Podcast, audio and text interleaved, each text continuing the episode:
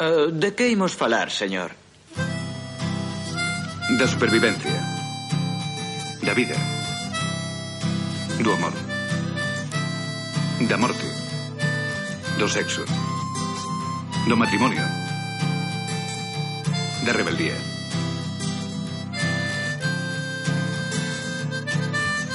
Xa de noite a iluminación da cidade está ben pros verdadeiros fans do sol Se fose listo sabería valorar que hai mellor lugar Que as boleiras da área central. Son consciente de que hai xente que non está moi ben Estamos xuntos na fin do mundo máis unha vez. E pensa o intensa que podería ser a nosa festa. Baby, come on.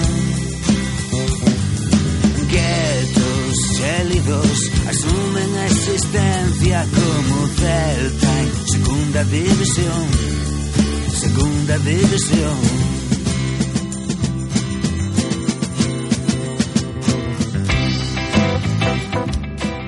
teoría dos seis graus de separación di que dúas persoas calquera do mundo están ligadas entre sí por seis lazos de amizade. En cada programa de sexto grao falaremos cun convidado sobre seis temas importantes da súa vida e escoitaremos seis cancións da súa escolla. Ao remate, pediremoslle unha lista secreta de seis persoas coñecidas ás que lle recomendaría vir ao programa. Ata que grao chegaremos? Que persoas coñeceremos? De que imos falar? As caixeiras deste centro comercial son as minhas irmãs Correi de España nas súas mans. Son consciente de que hai xente que non está moi ben. Jonathan Barral na técnica, Isaac González na dirección. Damos vos a benvida a Sexto Grau Un programa na sintonía de Radio Campus Culturae en formato podcast. Que podería ser agora mesmo un saxofón. sórdidas asumen a existencia como Celta en segunda división, segunda división.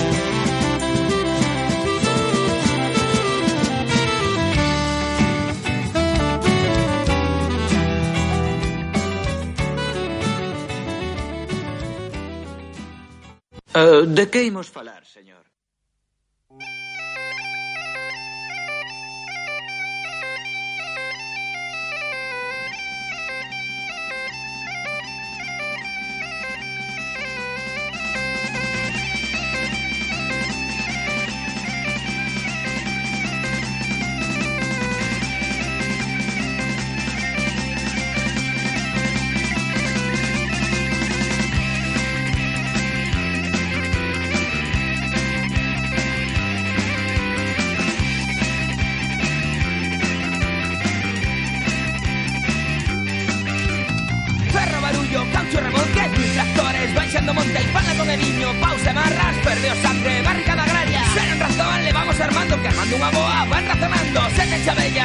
granollers, tallen o l'embo, tallen es venta.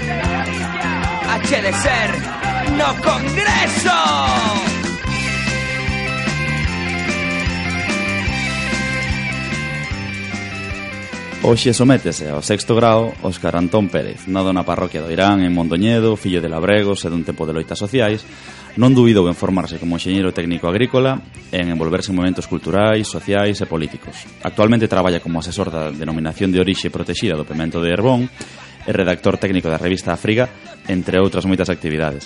Preocupado polo seu país e polo seu tempo, escribe artigos de opinión en praza.gal e no seu blog Acheite, entre outros moitos lugares. Eh, Benvido, Óscar Antón. Moitas gracias.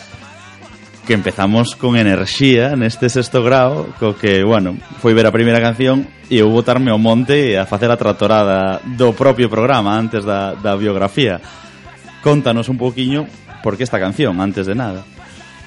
Para min virtualmente é unha canción que me sempre me leva a un tempo mm, no que a situación era francamente dura eh, de loitas eh, labregas, de conflictos eh, mm, productivos na casa, de momentos nos que os meus pais estaban sometidos a unha situación de presión económica que lles levaba pues, a facer todo este tipo de, de ou a verse incluídos neste tipo de movilizacións, pero tamén un tempo mm, de, de certa mm, unidade no rural que se cadra hoxendía é máis difícil de ver ou bueno, eh, en parte por dúas por dúas situacións. Unha evidente que é a despoboación, ou a baixa da, da, da poboación activa agraria e outra tamén porque as condicións eh, do, do mercado agrario mudaron bastante nos últimos, nos últimos anos non? Eh, non sei se tes algunha historia con respecto a esta, a esta canción porque falábamos que era escoitar esta canción e, e xa lembrarte de, de, de outras épocas ou se non xa pasamos a, aos, un pouco a, a por qué nace, por qué xa esta canción, por qué esta biografía que ti tes e, e como vives esa aquela época eh, la brega donde se furxou esta canción, que é dos anos 90, pode ser?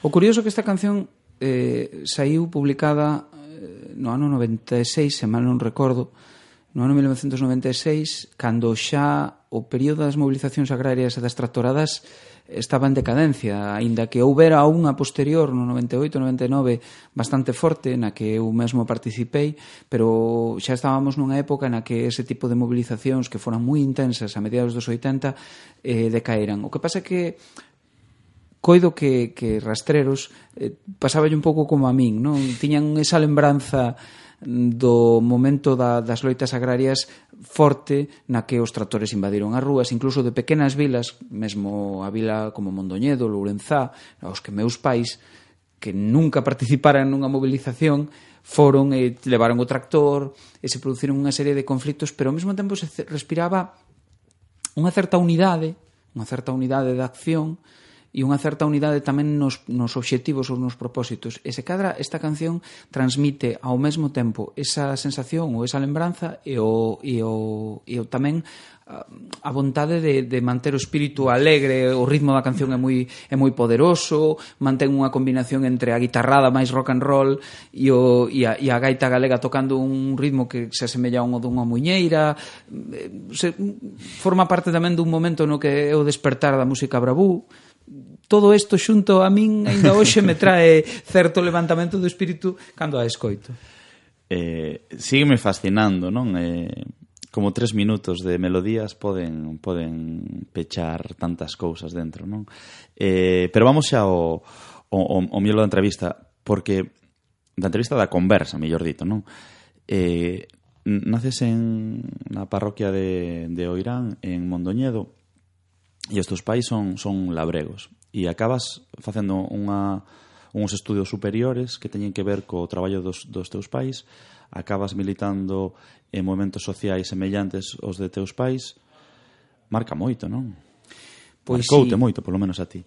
Pois sí, eh, meus pais eh, quixeron, sobre todo o meu pai, por exemplo, tivo unha vontade de, de construirse a sí mismo como un certo enxeñero, sempre digo que o enxeñero é ele, non eu, eh, porque el sempre tivo moito interese neste tipo de cousas e Simon transmitiu no? entón se cadra a, a, a máxima eh, impulso que tiven eu como como mm, estudante de enxeñería foi pola súa intervención, máis que pola da miña nai. A miña nai gustaría que fose, non sei, enfermeiro ou se cadra mestre ou eh, non, non, ao mellor non tería tirado pola, pola rama da enxeñería, non? Pero, pero os dous marcan moito a miña vida porque son persoas que mm, no primeiro momento no que aparece por poñer un caso, no primeiro momento no que aparecen as axudas para a mellora e a modernización das explotacións agrarias procedente das axudas europeas a mediados dos 80, meus pais xa son maiores da bondo como para non, non poder acollerse a elas e os seus plans de modernización da granxa quedaron coutados desde un primeiro momento. entonces eu, para min, eso foi unha injustiza e eu tiña 10 anos, 11 anos pero para min xa foi unha injustiza da mesmo calibre ou do mesmo calado que podía ser pois, que non lles pagasen o leite. Meus pais foron dos que a empresa leiteira Larsa, cando ainda era galega, eh, deixou nos ano e medio sen, sen, sen cobrar un, unhas facturas que lles adevedaba por unha crise interna na que a Xunta ademais tivo unha cuota moi importante de responsabilidade e eu vía que meus pais tiñan era xusto o que eles pedían, que tiñan a xustiza, e sin embargo ninguén lles daba a razón. Non? Entón eso tamén me impulsou a intentar cambiar esas, esas cuestións. A min parecíame que había cousas que se podían mellorar, que se podían cambiar, e esa sensación nun primeiro momento levoume a, a, a, a, cambiar, a orientar un pouco a miña, a miña vida posterior. Non? E de, de Mondoñedo chegas a Lugo para estudiar enxeñería eh, agrícola eh, como son os seus tempos de, de universidade, de estudos e de, e de loita, que non sei se sempre está presente na túa vida ou non, non? De, de pertencer a movimentos sociais. Eh, nun primeiro momento, cando eu cheguei a Lugo, eu viña de militar en, en cousas pequeniñas. Eu era membro dunha agrupación cultural, literaria, que tiñamos catro amigos na Mariña de Lugo, no instituto no que saí, no instituto que hoxe o, o IES o Centiño de Foz, tiñamos certas inquedanzas, algúns de nós militábamos en algunha organización estudiantil, pero dunha maneira así moi sui generis, naquel momento éramos periferia máis periférica. E logo eu cando cheguei a Lugo na universidade, nun primeiro momento que eu o, o meu a miña intención era sair dali canto antes. Eh, sí, sí, sí, esa foi a primeira opción que que se me veu á cabeza, o primeiro pensamento que se me veu á cabeza cando vin o que había ali. Logo Eh, e fume integrando en, en cuestións. E logo Lugo marcoume moito, marcou a miña xuventude dunha maneira moi significativa porque pasei de querer escapar dali canto antes a quedarme ali moito tempo e, e haberme incluído pois, na vida dos movimentos sociais, dos movimentos culturais, da propia, da propia cidade de Lugo eh, e, e coñecín xente que hoxe en día pois, poido decir que son as persoas que máis aprezo e coa que aínda manteño moito contacto e que me manteñen xunguido a unha época da miña vida que a min, para min particularmente foi foi moi moi grata e que me ensinou moito do que son hoxe que, eh, que tamén te fixo pasar por micros tan míticos como Radio Clavi en Lugo que me contabas sí, antes de entrar, sí, ¿no? Sí, sí, sí, sí, participei, participei así lateralmente na, na, na experiencia Radio Clave eh, e foi unha experiencia moi grata porque ademais a parte eles continuaron cando eu xa marchara pero que, que foi unha, unha historia super interesante como movimento e tamén eh, para aprender un pouco de, de radio, que sempre me fixo moita ilusión, porque a min a radio acompáñame eh, todos os días. Claro, inevitablemente a, os que temos calquer tipo de relación co, co rural, o que temos é un coche con, con un aparato de, de radio, non? E, eh, que, nos, que nos acompaña, non? Eh, Lóxicamente non, non, non nos queda non nos queda outra, non? Eh, volvendo un pouco a, a isto, non? Estás, estás en Lugo e teus pais continúan eh, co, co traballo na, na granxa e tú pasas de ser un pues, o fillo que lles botaría unha man e que está estudando a ser o enxeñeiro de algo mm, non sei se exactamente igual, pero en calquer caso moi moi próximo a, a don, ao que eles traballan, non? Entón, como se reconvirte a túa situación digamos na casa? Cambia algo? Sigue sendo todo todo igual agora que xa eres unha persoa que sabe disto? Eh, Casa de Ferreiro Coitelo de Pau. é, eh, é o primeiro que se me ven Tiña a mente. preguntalo por eso, pero... é o primeiro que se me ven á mente, pero como xa, xa me supoñía que viña por aí, eh, vamos a ver, eh, meus pais confían no meu criterio. Non é tanto como, eh, no, poñe, podenme poñer algún pero, pero meus pais confían no meu criterio. Problema, meus pais son persoas maiores. Xa naquel momento, cando eu estou estudando en Lugo, eh, a súa perspectiva de transformación e de mantemento da actividade rural vai camiño do, do finiquito, vai camiño de, de rematar. E a súa idea non é que eu continue na explotación agraria. Gustaríalles terme máis perto, pero non, non o fan para que eu continue coa explotación agraria porque se decatan de que o traballo é moi duro, de que o traballo é moi longo, de que é moi escravo e que ademais eh, afrontar a modernización da explotación supoñería naquele momento un investimento técnico eh, e productivo que non estaban en condicións de, de facer e que, ao mellor, no meu caso, suporía eh, enfrontarme a unha serie de riscos que meus pais naquel momento parecíalles que non eran que non eran asumibles que é unha situación que na actualidade calquera de nós eh, bebemos aínda hoxe en día. Eu como asesor técnico hoxe en día vexo esta situación. Ninguén quere afrontar, ou casi ninguén, vou, vou a aclarar que non é case ninguén. Alguén quere afrontar a actividade agraria, pero cada vez é un, é un problema que supón máis risco económico a nivel de investimentos, máis que noutras zonas do Estado, concretamente, e iso condiciona a hora de que ti queiras continuar ca actividade agraria. É certo que eu lles ofrecín actividades, é certo que eu mesmo me preocupei en algún momento de, de buscar algunha alternativa e de buscar algunha saída, pero pero non coallou en parte pola súa propia resistencia, pero parte, en parte tamén pola miña propia resistencia contra a facelo, vai. É paradóxico nese mundo, porque teño a sensación como de que hai moito orgullo de de eu vou utilizar un termo que logo quero que que maticemos, non, de ser labrego, eh, pero a vez tamén hai como unha sensación de falta de futuro e de moitas dificultades. entonces eh, sempre que falo con xente de, dese mundo teño a sensación como de que lles gustaría que os fillos quedasen a vez que non queren que pasen por iso. entonces é como que nunca sabes de que lado vai caer a, a, a pelota, non? Si do lado de prefiro que sigan a pesar das dificultades ou eh, hai tantas dificultades que non lle lo desexo aínda que me gustaría que seguisen, non? Sí, sí, sí. É un paradoxo que eu mesmo teño constatado na miña propia vida, como ben explicaba antes. Pareceme que é unha é unha situación moi complexa que habería que resolver e que outros países en Europa e zonas europeas teñen resolto e que baixo a miña maneira de entender as cousas aquí non se afrontou eh, non se afrontou o relevo e do mesmo xeito que non se afrontou nin se está afrontando o problema territorial. E como isto acontece e eu asignolle un, un problema ou unha, ou unha falta de vontade política por, por resolvelo, pois eh, está xenerando este tipo de cuestións. É evidente que a vida que levaron meus pais, meus pais son xente criada na, no, no posfranquismo, desculpa, na, na, pos, na posguerra e na, e na ditadura máis dura, eh, nunha zona ultraperiférica da Galicia máis rural eh, na que ademais eh, viven pues, eh, o sometemento a falta de, de oportunidades, a falta de diñeiro, nunha economía prácticamente autárquica e medieval, e isto fai que eh, a perspectiva que les teñen do seu futuro sexa moi negativa e non queiran que o seu fillo Eh, a, a, a continue, ao mesmo tempo que eles son conscientes de que viven nunha realidade que permitelles estar en contacto co, coa natureza, permitelles ter a, aire libre, limpo, eh, poden sair eh, e volver cando queiran, pero sempre sometidos a unha ditadura económica mm, do aspecto da comercialización dos seus produtos e do desenvolvemento propio moi moi limitante en todos os aspectos vitais. Nós non temos teléfono na casa hasta o ano 1994. Un teléfono que aínda hoxe é un track destos que van con oh. antena oh. e que non temos fío, non temos posibilidade de ter internet na miña casa, na casa dos meus pais.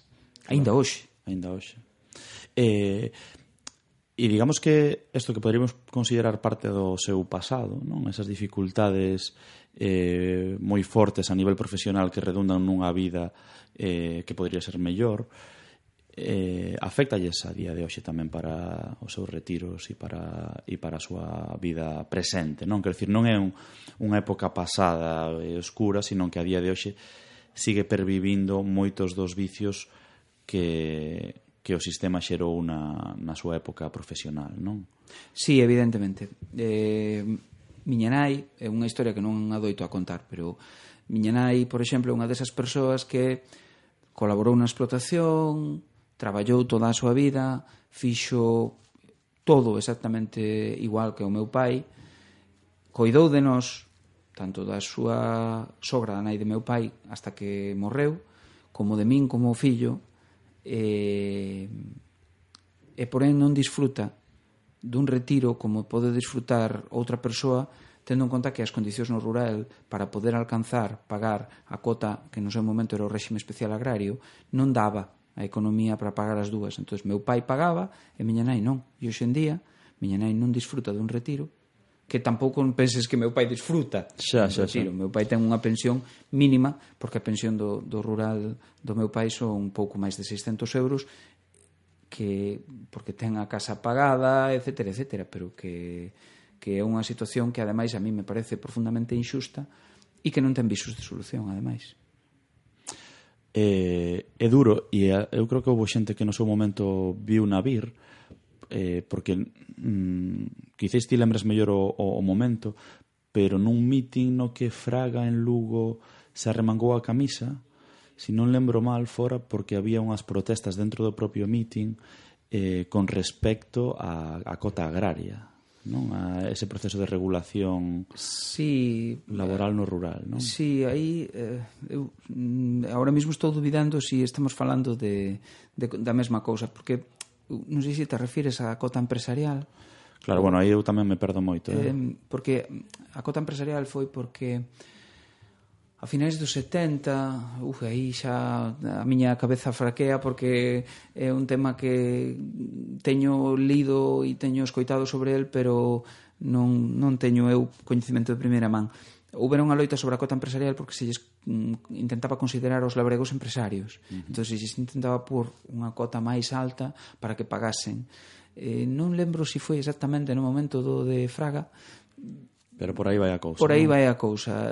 O que, ta, o que está claro é que... Ainda así están, en certo modo, relacionadas, non? É dicir, ese tipo de eh, cotas eh, que se lles impuxeron nun momento dado eh, os, os labregos para que logo lles permiten ter ou non un retiro, non? Sí, pero bueno, era unha cantidade bastante elevada tendo en conta os rendementos que se estaban obtendo nas claro. explotacións naquel momento. Claro. Eu eh, son fillo de labregos e como a min son membro dunha comunidade Muy que é unha aldea eh, na que eh, pois podo por exemplos en 1995 había 22 explotacións leiteiras e na actualidade quedan dúas e unha delas en visos de pechar en breves e quedará unha soa.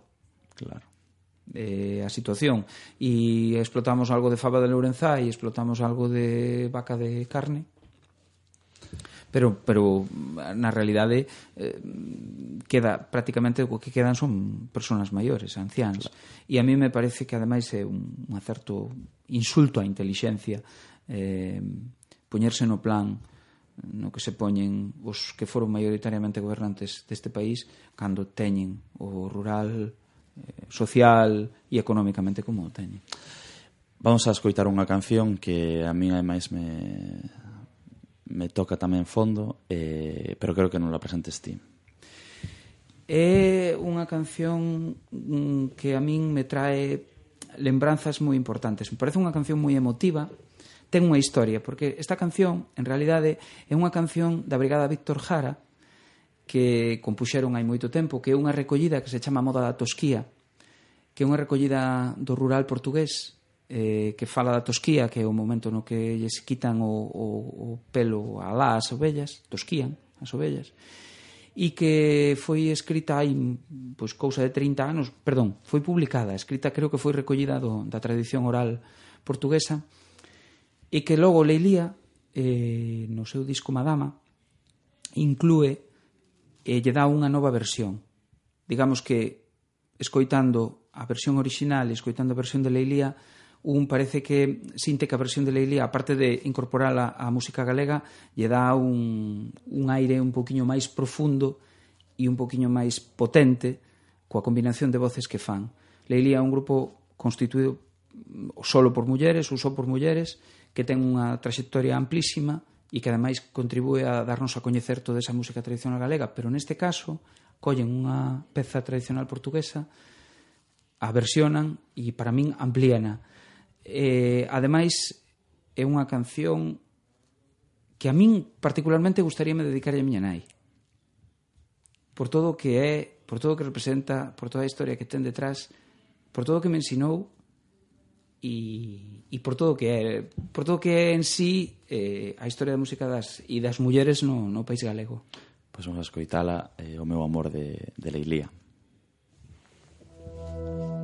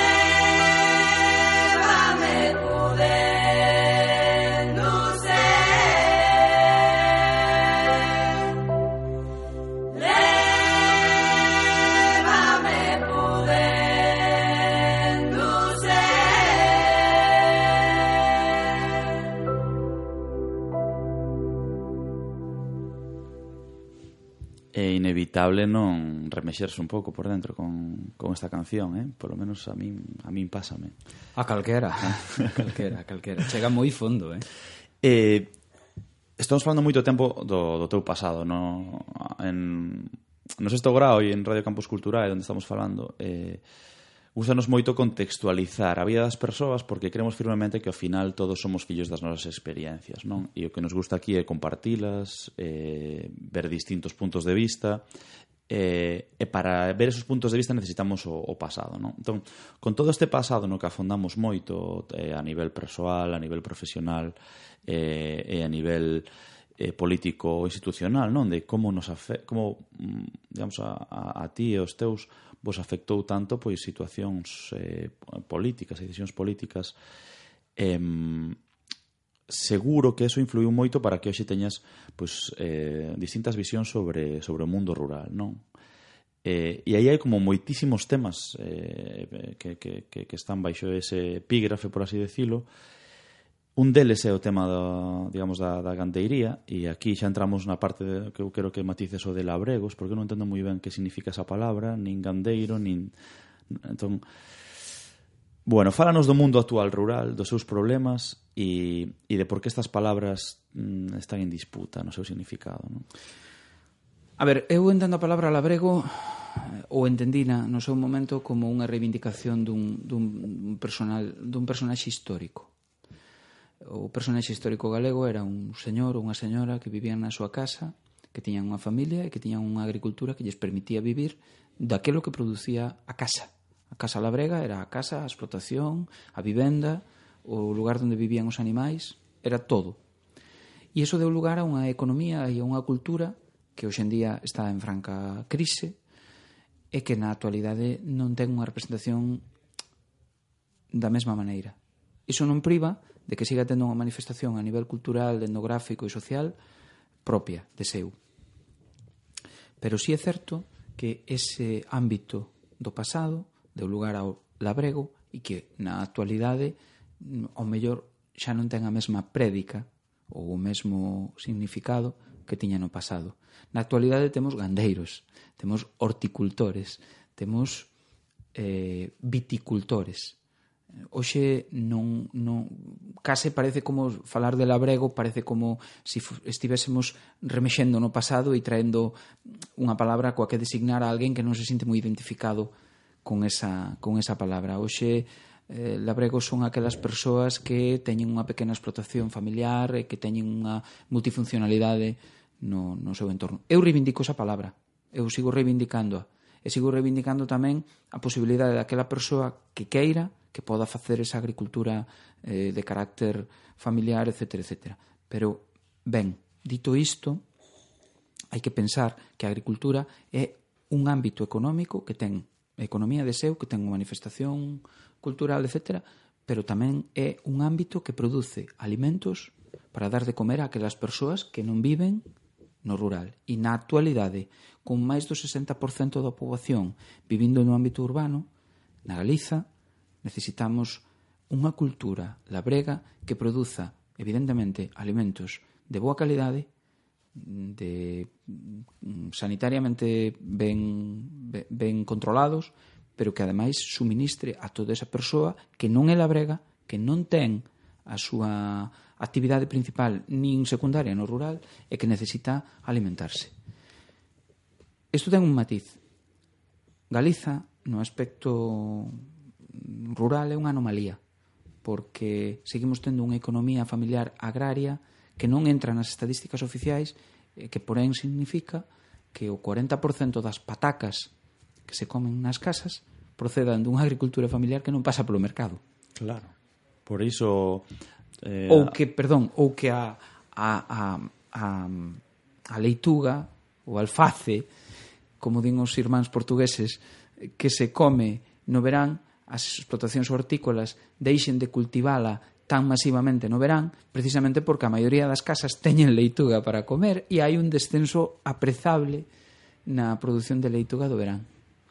Claro, por iso, eh, evidentemente, unha persoa que se dedique a unha actividade eh, do rural, gandeira, agraria, vitivinícola, o que sexa, Claro, claro que é eso, non? Pero dá a sensación de que tamén é moito máis. Dá a sensación de que come esas patacas, de que come boas leitugas e que probablemente o eh, a comida do día, se é un biste con patacas e unha ensalada, pois eh, non o comprou en ningún sitio. Non, non. E que eso, eso sigue sendo así. E iso suponlle un aforro no, na renda moi importante. E que a súa vez hai tamén como unha economía, digamos, da de leva uns kibis, non?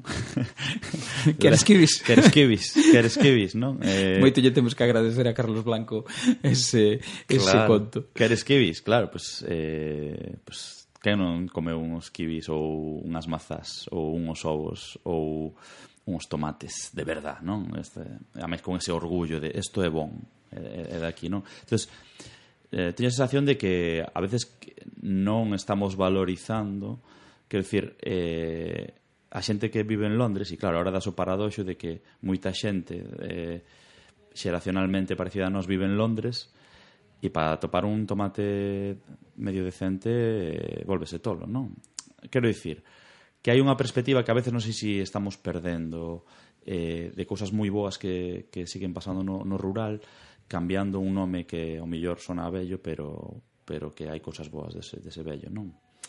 Sí, eh, aquí hai, hai moitos matices que facer, eh, lóxicamente. A agricultura é unha agricultura mm, que ten que pular por, por suministrar alimentos bose de calidade para o ámbito urbano que non produce alimentos. Pero eu creo que unha cousa non está reñida coa outra, ou non deben entrar en xenreira. Eu claro. creo que o agricultor o labrego, a labrega, ocupan o territorio, manteñen o territorio coidado, manteñen unha certa eh, control sobre a maleza que moitas veces é responsable de situacións tan dramáticas como poden ser os incendios forestais. O abandono está correlacionado co aumento da, da materia combustible, da biomasa combustible e da, da, da biomasa que crece sin control. E, polo tanto, sería interesante eh, manter, en certo modo, unha agricultura no ámbito completo de Galicia, non abandonala tan a lixeira, porque eso mantería o territorio en outro estado. Eso por unha beira. Por outra banda, eu creo que eh, debemos ter en conta os números. A min costame acudir aos números para, para moitas cousas, é eh, o meu traballo. Galiza importa cada ano alrededor de 110 millóns de euros en materia vexetal. Unha materia vexetal que en boa parte se deixou de producir aquí porque eh, producir cabaciños ou producir tomates, como comentabas antes, é unha materia que nosotros podemos producir aquí e que porén estamos importando. E xa non falo daqueles que son de fora de tempada, falo dos que son de, de tempada e que se poderían estar producindo nas hortas mesmo daqui a Carón, do, da beira de Santiago de Compostela ou da beira de calquera das pequenas vilas que temos que temos polo país adiante.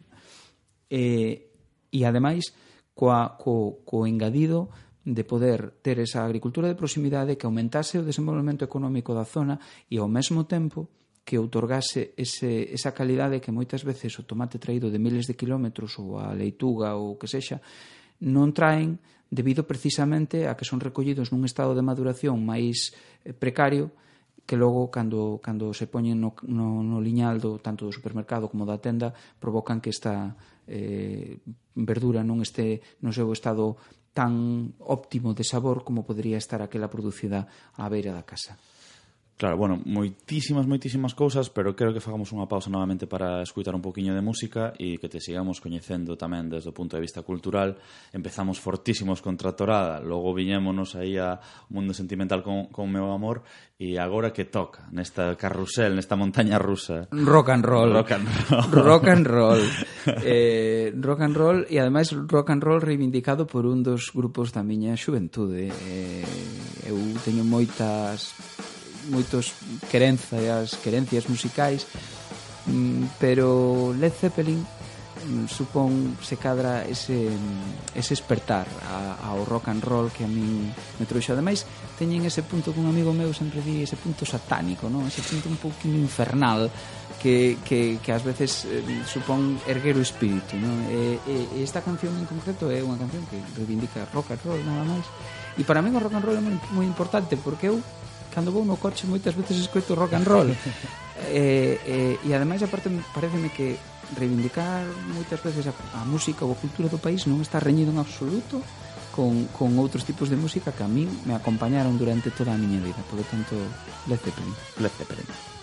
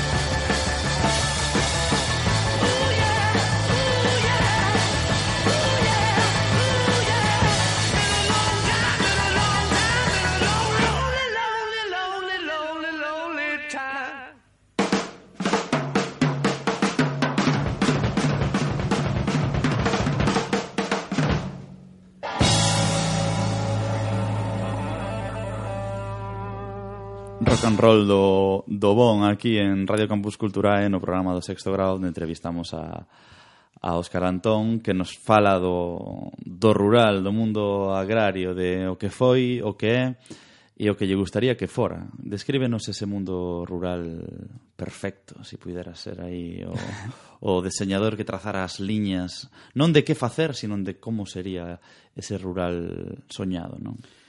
O rural soñado é unha boa utopía. Eh, non, non hai rural perfecto. Mm, eu teño que sentar esta máxima categórica. Non, eh, non hai rural perfecto porque hai ruralidades tantas como países ou como formas de expresión da, da economía e da cultura rural.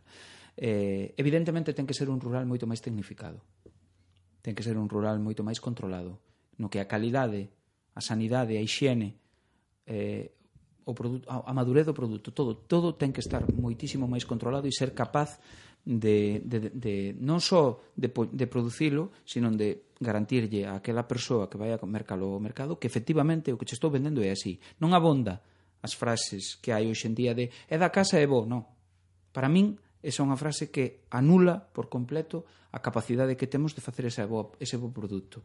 O que hai que facer realmente, ou que se debería facer, é poder garantilo de alguna maneira eh, óptima, de alguna maneira realista, de alguna maneira obxectiva, que eu che ofrezo este produto, que este produto sabes que o mellor podes pagar algo máis por el, pero este produto é un produto que realmente reúne estas condicións e cho demostro por isto, isto e isto. A labor que temos técnica por diante é garantir esa calidade dunha maneira obxectiva e moito máis tecnificada. E isto non é algo semellante ao teu traballo na denominación de orixe protexido do pemento de, de Herbón ou do que están facendo outras denominacións de orixe protexidas e ese, ese traballo de tratar de seleccionar, de garantir e de... Vai por aí a idea? Sí, sí. Eh, vai por aí esa, esa idea e, e debería seguir indo por aí. Hai aínda moitas resistencias internas e externas. Un apoio decidido por parte das administracións que non o están facendo E isto hai que dicilo así, con todas as letras. O sea, as axudas que temos á produción eh, non, non, xa non me refiro tanto a axudas económicas, senón métodos de control do mercado, eh, métodos de control da, das producións que, que, que, coas que se trampean nomes, indicacións, aínda hoxe, e a, e a ausencia deses controis, e a, e a falta de responsabilidade para levar a cabo eses controis por parte das administracións públicas, por parte de quen goberna, mentres disfrazan todo isto dunha... Eh, no, estou preocupado polo rural. Non, non estás preocupado polo rural. A ti o rural te importa un bledo. O que pasa é que queres venderme que sigues preparado ou que sigues preocupado por el, perdón, pero con porque sabes que aínda tes un caladoiro de votos, sobre todo entre a xente maior. Pero non é así. Ti non me estás axudando nada. Ti o que estás facendo é deixando entrar a saco calquer cousa e, e facendo todo menos estimular a produción propia. Eh, como seguiría sendo ese rural soñado, non? Temos esas garantías, eh, esa tecnificación. Eh... Non podemos volver atrás non podemos volver atrás. Non, pod non se pode reivindicar, non, é que como facía meu pai as cousas, ou como facía miña nai as cousas, ou os vellos como facían as cousas, que eu teño escoitado masivamente, non, non pode ser Non pode ser. O rural de hoxendía ten que adaptarse á realidade que ten hoxendía. Temos que facer valer as ferramentas técnicas e tecnolóxicas que temos ao noso dispor para crear ese rural. Temos que facer valer esa agricultura de precisión que alguén reivindica no día de hoxe recurrindo á agricultura do pasado que di que escollía os mellores terreos para facer os mellores cultivos Hoxe temos ferramentas coas que podemos trazar esas cousas, pero tamén temos que adaptarnos á demanda que temos do, de alimentos por parte da, da poboación potencial que temos no, no entorno. Tendo en conta tamén que existe unha situación moi concreta en Europa, que é a poboación é estable, máis ou menos, e a demanda da poboación de produtos é estable, máis ou menos. Por lo tanto, a agricultura eh, vai estar aí sempre nunha corda frouxa. Esa corda frouxa ten, ten que derivar, pode derivar cara a unha agricultura de carácter completamente intensivo e moi, moitas veces pouco sustentable ou pode derivar a unha agricultura eh, moi, moito máis tecnificada pero ao mesmo tempo moito máis local con, con, con carácter máis extensivo con máis asentamento no territorio e esa é a agricultura que para min baixo a miña óptica debería, debería ser. Eh, entre outras das moitas cosas que te dedicas, eh, un pouco preparando a, a, a conversa, eh, lía pois, unha das túas últimas publicacións nunha revista profesional sectorial, concretamente dos gandeiros do sector lácteo, a Friga, no que faz un estudo do, do prezo do leite, non? Eh, é moi indicativo, digamos, do nivel de preocupación social que, que xera o, o precio do leite, porque hai como unha identificación co, cos gandeiros ou labregos, non, non sei aínda moi ben cal dos dous utilizar. Non? Técnicamente son gandeiros. Son gandeiros. Técnicamente non? sí. Bueno, polo menos cos, cos, cos cos gandeiros esa identificación da xente que nin lle vai nin lle ben, pero sin embargo síntese próximo a eles e quere que lles vaya ben e hai como unha especie como de identificación, non, social. Retomamos o principio da conversa, quero dicir, que foi a, o colectivo rural que máis se mobilizou durante os anos 80 e principios dos 90 e ese, ese, esa visibilidade as tratoradas moi espectaculares e polo tanto a xente do urbano vía que esta xente estaba realmente pasando algo moi grave para ter que vir tan, tanto e tan masivamente a ocupar as rúas das súas cidades con tractores. Eh, o, o prezo do leite é algo que a, a xente máis ou menos sonalle precisamente por esa, por esa visibilización do problema que non é única, pero que é unha moi moi visual, tendo en conta que Galiza produce o 40% do leite estatal, e que é unha situación que se ve porque ti vas ao supermercado e observas e compras ou vas á tenda e compras un litro de leite e ves leite líquido galego a un prezo determinado e vaste a falar con un labrego e ves que el cobra menos dunha terceira parte dese prezo que se lle pon ao final. E cada vez as novas son a ir mm, baixando. Por lo tanto, eu creo que algunha xente deste país foi capaz de asumir, polo menos eh, no seu imaginario, que o, o gandeiro, neste caso de leite, eh, estaba permanentemente nunha corda frouxa de en canto ao prezo percibido polo, polo, seu, polo seu traballo, xa non polo seu produto, sino polo traballo, polo froito do seu traballo. Claro, e un pouco eh, así o, o, o resumo deste, deste estudo dos prezos do leite comparativamente a Unión Europea, España e Galicia. Eh, Claro, dá, dá a sensación de que as variacións tampouco son tan tan, tan brutais eh, no, no que lles pagan. Ou sí, ou hai unhas variacións moi salvaxes que afectan o, o sector. Quero dicir, esas concentracións que vimos fai uns anos eh, defendendo unha suba dos prezos, mm, como, como respira o sector a, a, ahora con respecto aos prezos? Houve unha pequena subida, houve unha pequena subida nos, nos prezos nos últimos, nos últimos anos, nos, nos últimos meses, pero esta tendencia é, é oscilante. En realidade, se un revisa os datos de prezos de leite desde o ano 1977 hasta a actualidade, ve que o, o incremento de tal do prezo base pagado ao gandeiro foi escasísimo. Hai variacións. Que acontece? Que estamos en economías, en economías moitas veces de escala, que o que, o que fan é subir e baixar a subida e baixada dunha unidade dunha pequena unidade de, de prezo fai que a unha explotación lle cadren ou non lle cadren as contas nun mes. Claro. E simplemente con baixar un céntimo ou dous pode ser que teñamos a diferencia entre que unha explotación saque para manterse máis ou menos ou que esa explotación en absoluto se poida manter. Óscar Antón, que chegamos ao final do sexto grao e a min pilloume o, o tren como me pilla sempre. Isto é, é inevitable. Eh, Un dos temas principais, digamos, da, da túa biografía, pois é esa relación co mundo, co mundo rural, agrícola e, e gandeiro, que o tratamos, eu creo que aquí é moi a fondo, a outra é cos movimentos sociais, non? E que pasa tamén como o prezo do leite, non? Que sube, pero que tamén baixa. E agora, digamos, que estamos nun momento baixo. Xa moi brevemente e para, e para ir pechando.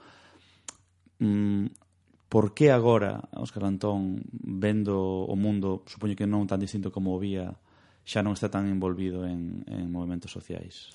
Ben, sigo estando envolvido. Non son... tanto. Eh? Depende de que consideramos movimento social. Por exemplo, son socio dun clube de montaña, aínda que eu non sexa moi montañeiro, alá na miña, na miña vila ainda sigo tal, cal aproveito para, para saudalos e para, para darlles azos que sigan, que sigan facendo os seus, os seus eventos que ademais disfrutámoslos moito. Si é certo que en parte mm, por, por, por un cambio na miña propia forma de ver a, a vida e de, de, de considerar as cousas e en parte tamén moitas veces por falta de tempo. Eh, que o mellor eh, profesionalmente estou máis apurado en cousas ou me interesan outras cousas neste momento e fago un cambio de, de, na miña vida eh, cara a outro tipo de movimentos sociais ou simplemente abandono nos que estaba. Non é que os abandone, paso un discreto segundo plano e continuo aí e se fa falta que boto unha man pois boto unha man con, con total tranquilidade e ademais estou disponible. Son crítico e eso tamén me fai moitas veces eh, baixarme da moto ou polo menos apearme momentaneamente, mentres non aclare algunhas situacións. E son moi crítico e como tal, e moi escéptico tamén con algunhas cousas, como tal tamén me gusta comportarme. A veces, baixarse do movimento social equivale a tomar a distancia necesaria para someterse a esa autocrítica. Ahora, desde baixo ou desde fora, desde, desde baixo da moto, sabe un máis ou menos por onde camiña esa moto e tamén pode darse conta das propias eivas ou dos propios erros que tivo cada quen a hora de, de, de, de, de estar presente neses movimentos sociais. Super interesante a conversa, eh, quedanme mil dúbidas sobre, sobre o mundo rural, sobre todas estas visións eh, eh, tan Ui, a min tamén.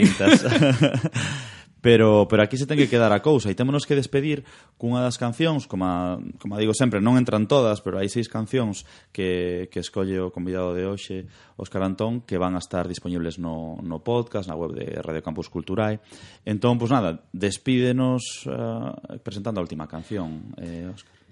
Pois eh, é unha canción que representa algo totalmente diferente ao que viñamos falando na miña vida, senón representa eh, recordos e eh, eh, sentimentos persoais. É unha canción que ademais a min sempre me axuda a, a ver o mundo desde un punto de vista moito máis a, a, alleado del. Non? Uh -huh. Ten unha frase moi interesante que prefiro ter toda a vida a vida como inimiga, a ter na morte da vida a miña sorte decidida.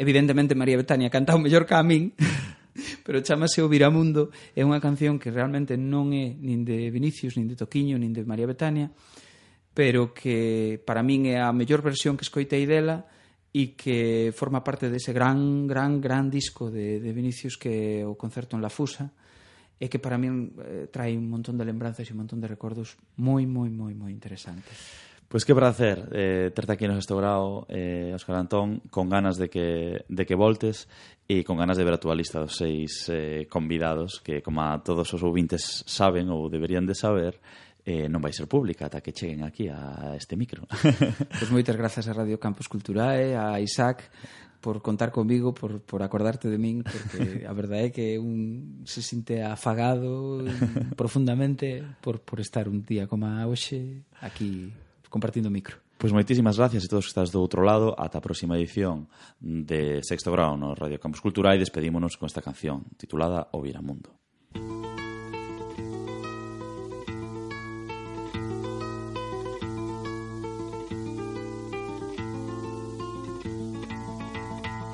Sou viramundo virado na ronda das maravilhas, cortando a faca e facão, os desatinos da vida assustar a coragem da inimiga, pulando para não ser preso pelas cadeias da intriga. Prefiro ter toda a vida, a vida como inimiga, até na morte da vida, minha sorte decidida. Sou vira-mundo virado pelo mundo do sertão, mas ainda viro esse mundo em festa, trabalho e pão o virador desse mundo, astuto, mal e ladrão, ser virado pelo mundo que virou com certidão, ainda viro esse mundo em festa, trabalho e pão. Sou viramundo virado pelo mundo do sertão, mas ainda viro esse mundo em festa, trabalho e pão.